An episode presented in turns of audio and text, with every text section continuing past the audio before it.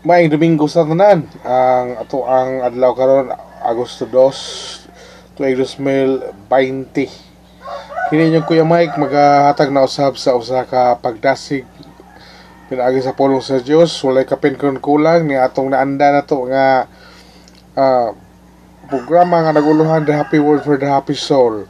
Tuguti ako mga igsoon nga muhatag sa maong pulong karon o atong pagkabasahon din sa Juan 15 versikulo 11 nagkanayon ang Juan ah, 15 versikulo 11 nga gisultihan ko kamo nini aron mahabatunan ninyo ang akong kalipay ug mahingpit ang inyong kalipay. So kaning kalipay mga igsoon kung ato kini basahon dito sa sulat ni Pablo sa Galacia 5 versikulo 22 mo kani ang ikaduha nga gasa sa espiritu. No, the second nga gilista dito ni Pablo nga gift of the spirit. Mani atong unahan, joy and happiness. Kaning joy and happiness yung ato ni hubaron sa Bisaya, parihan siya no, puros kalipay. Pero atong i-differentiate kay ang joy and happiness are not the same ang kaning happiness, ang kaning kalipay mga igsoon, ang resulta kini sa usa ka favorable circumstances. Ah, example, nalipay ka kay birthday tingali nimo ron. Nalipay ka kay naay mga okasyon sa kinabuhi nga nahilambigit ka. Nalipay ka kay nakadaog ka sa usa ka contest. O nalipay ka kay nakaadto ka sa unsa nga lugar daghan ka nakita nga mga nindot nga mga talalawon. So, kada nga kalipay, kalipay na siya nga paborable sa imong kugulingon. Pero kaning joy, at karohon, kaning joy lahi nga kalipay.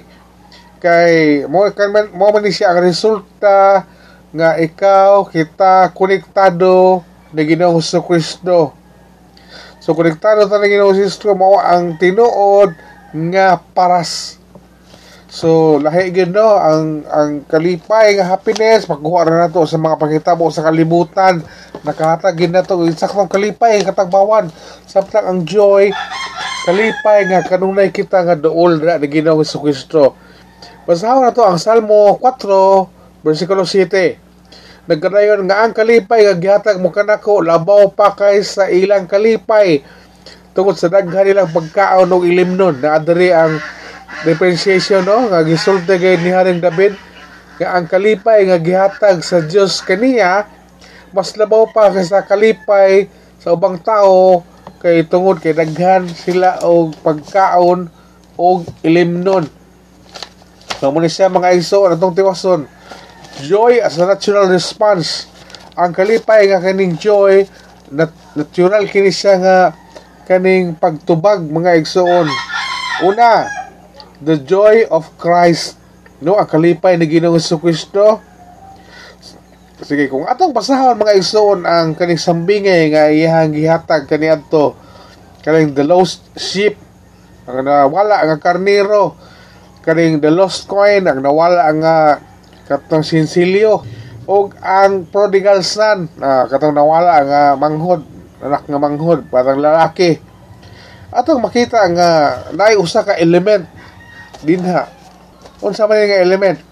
Nga pagkakita nining kardiro sa nakitaan na kining sinsilyo o sa nakitaan na kining batang lalaki adunay gitawag dinha nga tong joy. No katong kalipay gayud nga konektado sa Ginoo nga kalipay. So naghatag kini kanato og panghunahuna unsa ang kasing-kasing sa Dios kalipay. So ang kasing-kasing nga malipayon mo ni siya is a heart willing to celebrate nga ang kasing-kasing gayud nga muuyon gayud iya gayong himuon nga magselebrar mag mga kalipay gayud kay adunay nakitaan no nga nawala. Mo ni siya ang kasing-kasing nga himuon gyud unta sa mga Kristohanon Then, a joy of reaching out to the lost. Ang kasing-kasing ni Ginoong Hesus Kristo sa Dios usa ka kasing-kasing nga malipay nga mukabot ngadto sa mga nangwala. Taliwala sa mga pagsulay o sa mga kalisod. Ingon ani pud unta kita mga igsuon gayon. nga kung aduna kita niining joy aw kalipay gid nga mukapot ngadto sa mga nangawala taliwala sa mga pagsulay nga atong mahiaguman sa kinabuhi apil na mga kalisod So, Jesus was, was anointed with joy. Sige nang sugisto, gidihugan gid sa kalipay, kaning joy. Kay nasayod siya nga tungod sa iyang gihimo, tungod sa iyang nahuman, makadawat gayud siya uh, niining maong kalipay nga gitawag og joy ug daghang mga tawo ang iyang maluwas. So atong pasahon mga igsoon sa Hebreo 12 versikulo 2 ug 3. Nagkanayon diri nga itutok ta ang atong mga mata kadto kang Hesus nga mao gisandigan sa atong pagtuog tighingpit niini. Wala siya mosibog bisan pa siya pagantos sa cross o wala niya eksapayan ang kaulaw sa pagkamatay dito sa cross tungod sa kalipay nga madawat niya og naglingkod siya sa tuo sa trono sa Dios. Palandunga kuno sa iyang giantos o giunsa niya sa pagpailob. Taliwala sa labihang pagsupil sa mga makasasala aron dili ka maluya og mabugnaw. So muna siya ang joy of Christ no? Ang kalipay ni Ginoo Kristo karon mo adto ta sa ikaduha the joy that last katong kalipay kanong nga mo hangtod sa hangtod nga dili gid ni siya mawala. Na bersikulo Hebreo 11 versikulo 24 uh, atong pangitaon diri mga iso sa Hebreo 11 versikulo 24 tungod sa pagtuo si Moses sa dako na siya midumili nga tawgong anak sa babaeng anak sa paraon o atong ilabang sa 25 gipalabi niya ang pag-antos uban sa katawhan sa Dios kaysa pagpahimulos sa sala sulod sa mubong panahon. Naguna-una siya nga ang pagantos sa mga pagyubit tungod sa Mesiyas labi pang bililhon kaysa tanang bahandi sa Ehipto tungod kay gilantaw niya ang ganti nga madawat niya si Moses. Ganti. So para kanato nga mga Kristohano nining panahon na dos who must follow Jesus magalantaw gayud sa mga pagantos nga mahitabo nining kalibutan mga igsoon o ang atong madawat miguman sa atong mga pagantos. Atong basahon din sa Lucas 9 versikulo 23. Ang kay nasulat diri sa Lucas 9 versikulo 23 nagkanayon nga og miingon siya sa tanan. Kun may buot mosunod kanako kinahanglan nga magdumili siya sa iyang kugalingon magpasan sa iyang krus sa nang adlaw o magsunod kanako mo ni siya before we uh, experience the joy that last we must suffer. Magantos una kita magantos una kita. Ayan ato madawat kining maong kalipay. Kay naa kini na isulat din na sa buhat. 14 22 ito na bombarlahon ang kining nakasulat sa buhat 14.22 nga ang katong mga unang mga disipulo sa unang simbahan no katong sila sa kani the first church ilang gilig-on ang mga magtotoo o gidasig ang mga nga magpadayon diya sa pagtuo. Mingon sila kinahanglan mo agi kita sa daghang mga kalisdanan aron makasulod sa harian sa Dios na we must go through many sufferings and trials in order to enter the kingdom of God. So si Ginoo sa Kristo was anointed gihi gidihugan siya sa kaning joy. Tungod kay kabalo siya asa siya padulong? So even though bisan tuod nga miagi siya mga kasakit, mga trials o suffering nasayon siya nga adunay kalipay gayud nga iyang madawat human ni adtong tanan. Karon ang ani dinhi sa Pilipos 1:29 Sige, mo balhin ta dito sa Pilipos 1 uh, versikulo 29 Nag-ingon diri kay gihatagan kamo sa pribilehiyo dili lamang sa pagtuo kang Kristo kung dili sa pagantos usap tungod og alang kaniya. Na we were given privilege not only to to put our faith believe in Jesus but also to suffer pareha kaniya. So yun ani mga isuon a blessed privilege gayud kani suffering kay man ini madawat na to atong kalipay ug atong himaya so pinaagi sa atong mga pag-antos saad ang Dios nga makadawat kita sa iyang mga saad. Nagandam kita nagandam siya kanato og puluyanan. Kay kinahanglan nga ang atong paglaom dili gayon matandog. Nga kanunay kitang mututok dito sa atong padulungan o sa kalipay nga atong madawat. So joy comes from knowing we are within the will of God. Ang kalipay na to mga igsuon uh, magagikan din ha, sa ato ang pagkahibalo nga naagid kita gasubay sa kabubuton sa Dios o bisan tuod ang mga panghitabo lisod no samtang gasunod kita sa kabubuton sa Dios lisod kaayo ang mga mahiaguman nato usahay sakit pagayod kaayo. So kung ikaw ako usa ka committed Christian.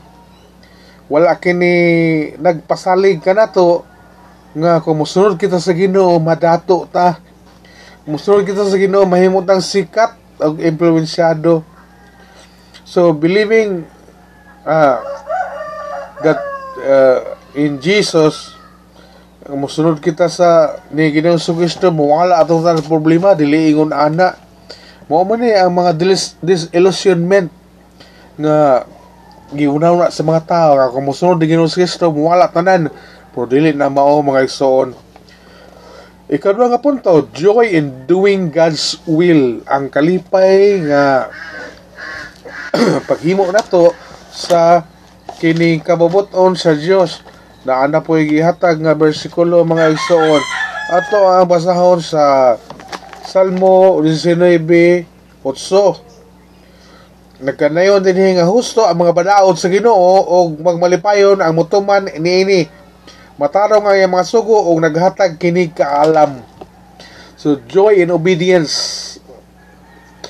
Uh, walay mas labaw pa nga kalipay mga igsoon kaysa kalipay nga naga tuman gayud sa kabubuton sa Dios muna siya ang mga kasakit o mga kalisod sa atong kalibutan nga atong mahiguman resulta lamang kini sa atoang pagtipas sa kabubuton sa Dios sa atong kinabuhi. Nga mismo subay kita mingtipas kita sa lain nga agianan.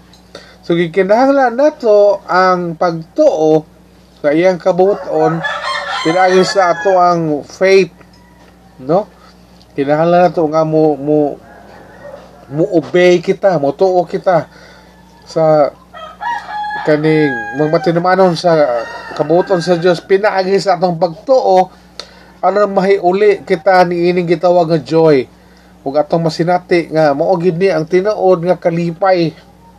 So atong lihok sa pagsunod no? Our acts of obedience dili kini salvation by works kun dili mo kani siya ang realidad sa ato ang kalawasan no ka nag nag-obey ka sa Ginoo. Wala man ka ana naghimo nga salvation by works para nato mga Kristiyanon kung dili mo kani siya ang realidad sa ato ang commitment sa Ginoo.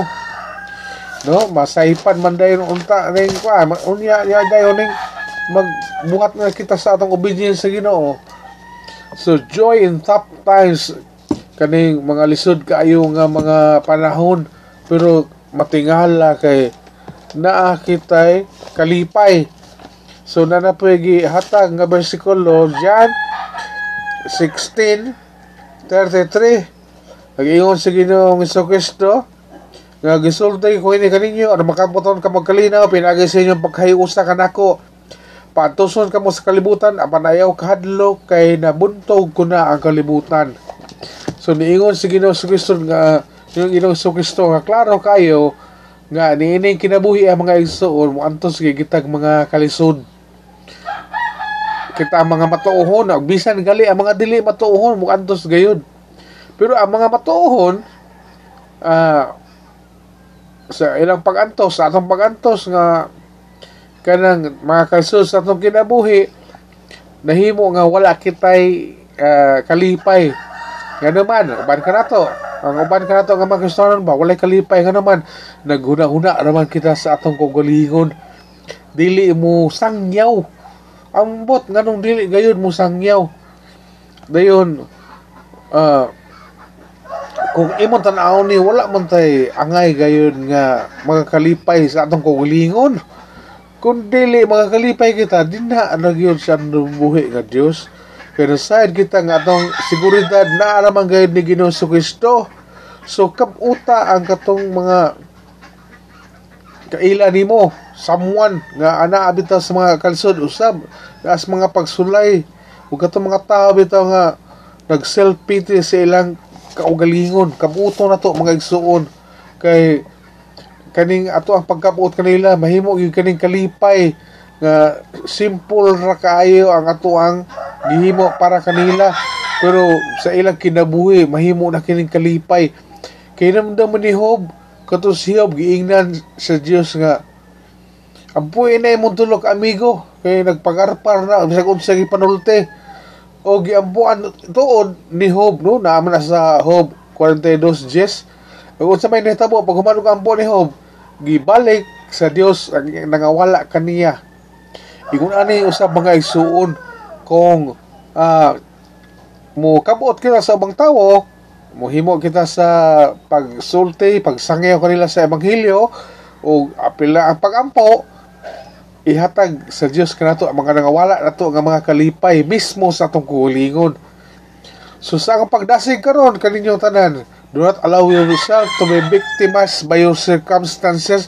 Ayaw itugot ka mga igsuon ang mga panghitabo sa imong imong kaugalingon sa imong kinabuhi karon.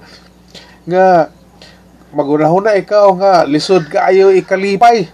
Dili man siya imposible ang pagkakalipay dira sa Dios. Pagkakalipay dira sa Ginoo kay mao man kini ang mando ni Pablo. Di ba ah ano man tungod kay atong Dios maayo gan siya mausab. Dahil ang kalipay nga naa sa sulod kanato uh, samtang padayon kita nga nagsalig sa Dios dili gid kini mawala lasting makabuntog pa ni sa ato ang mga discouragement then kanunay kita nga nasayod nga ang Dios naa sa ato ang kinabuhi. Dalaygon ang Dios na imong kabuntagon, dalaygon ang Dios na ining Domingo, adlaw Domingo o haleluya. Amen. Salamat sa pagpaminaw.